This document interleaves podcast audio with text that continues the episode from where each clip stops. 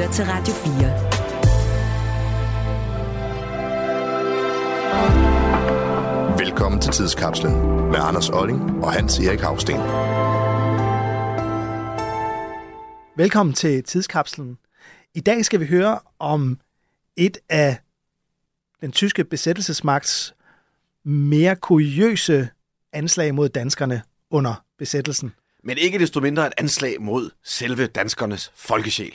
Det må Men man er så sige. god så vidt som til at sige. Ja, vi skal nemlig tale om uh, tyskernes såkaldte cykelaktion, som fandt sted i efteråret 1944. Og jeg skal lige sige, at det er en historie, som vi har set i Niels Bjørn Danielsens biografi om Werner Best, og vi har så også læst videre om den i en uh, artikel af historikeren John T. Lauritsen.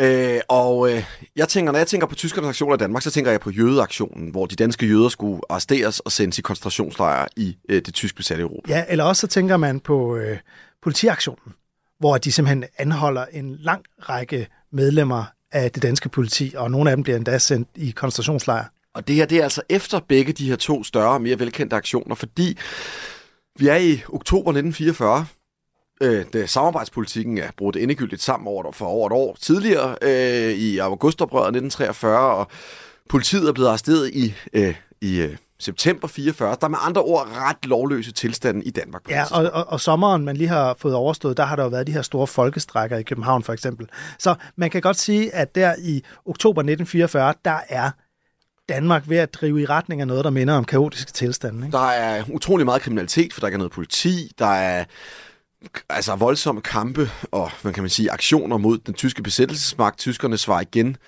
med de her clearingmor, øh, hvor at øh, for eksempel en gruppe, berygtede gruppe som Petergruppen slår ligesom øh, altså danskere ihjel, som enten er i modstandsbevægelsen eller kan blive anset for at være sådan nogle nationale samlingspunkter. Så der er ualmindelig anspændt stemning, og det går også dårligt for tyskerne på alle frontlinjer. Så man går og venter på, at den her øh, krig snart slutter, og i takt med, at den ligesom lakker mod enden, bliver tyskerne mere og mere desperate og mere og mere voldelige. Ja, men så tænker de, aha, nu ved vi, hvordan vi skal stikke øh, de danske sabotører, når de skal ud og springe ting i luften, eller hen og likvidere en eller anden kollab- kollaboratør eller sådan noget, så gør de det jo tit ved at befordre sig på cykel.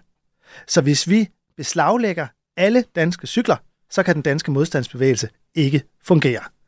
Og det er jo noget, som den øh, rigsfuldbemægtigede Werner Best, altså ham, som egentlig skulle være lederen af besættelsesmagten i Danmark, han er meget imod det, fordi han tænker, det kommer til at skabe meget. Han har set på Nørrebrogade under rush hour, hvor meget danskerne de bruger den cykel, ikke? Præcis. Så kan det skade mobiliteten og gøre, at Danmark, øh, danskerne ikke kan producere fødevarer til, til Tyskland, som de har så desperat Ja, brug for. han tænker simpelthen, hvis vi tager danskernes cykler, så bliver de sure, og så gider de ikke producere fødevarer til os, og dem er vi faktisk afhængige af. Så han er imod. Så han får indført, at det ikke er alle danskernes cykler, der skal stjæles af besættelsesmagten.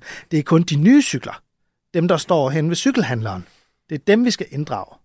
Og, øh, og man har jo allerede det problem, at det er meget, meget svært at, at få gummi til cykeldæk, for eksempel, fordi dem har tyskerne allerede stjålet i høj grad. Så det er jo så lidt med hud og sving, at danskerne overhovedet kommer rundt på de her, øh, ja, hvad hedder det, jernskærvknuser og jernheste. Øh, men, hvad hedder det, tyskerne, de, øh, de tager det simpelthen meget alvorligt, øh, den her øh, cykel, øh, hvad hedder det, konfiskation. Og det, altså, selv, selveste øh, fører Hitler er faktisk også inde over sagen. Man ser så for det, ikke, hvordan han sidder i Det er sin... simpelthen en førerbefaling, at de danske cykler skal be- beslaglægges. De nye i hvert fald. Man skulle i hvert fald have troet, at øh, han ville have andre ting at, at bruge sin tid på, på det her kritiske tidspunkt under krigen. Men åbenbart, det er også forbi ham. Ja. Og øh, Der kan man så læse en melding i de danske aviser, altså de, de aviser, der gerne må udkomme, altså de censurerede danske aviser, der lyder det så, fra officiel tysk side meddeles, kolon, den tyske værnemagt har af tvingende grunde den 26. oktober 1944 opkøbt alle nye cykler, der fandtes i de danske salgslager. Dette skete på grundlag af forordningen om leverancer og ydelser til den tyske værnemagt. Det drejer sig om en isoleret foranstaltning, som ikke vil blive udvidet. jeg hæfter mig altså ved den isolerede foranstaltning. Der røg, hvad hedder det, sved. Fordi vi ved, tyskerne, de holder, hvad de, hvad de lover, ikke? Men Ja, det ved man ikke rigtigt. Kunne man det med nazisterne? Nej, det kunne man nok ikke. Der var, det var ironisk. Hvad hedder Men det? derudover så bliver der altså også beslaglagt reservedele, dynamolygter, og så er det faktisk også et firma, der hedder Schønning og AV, som får beslaglagt 30.000 nyproducerede cykelslanger. Og den illegale presse har jo ikke muligheden for at tage lidt, øh, lidt fis på tyskerne gå fra sig, fordi de siger simpelthen, at forklaringen på den her aktion er, at tyskernes Fort Europa nu er så småt, at man kan cykle fra den ene ende til den anden. Ja.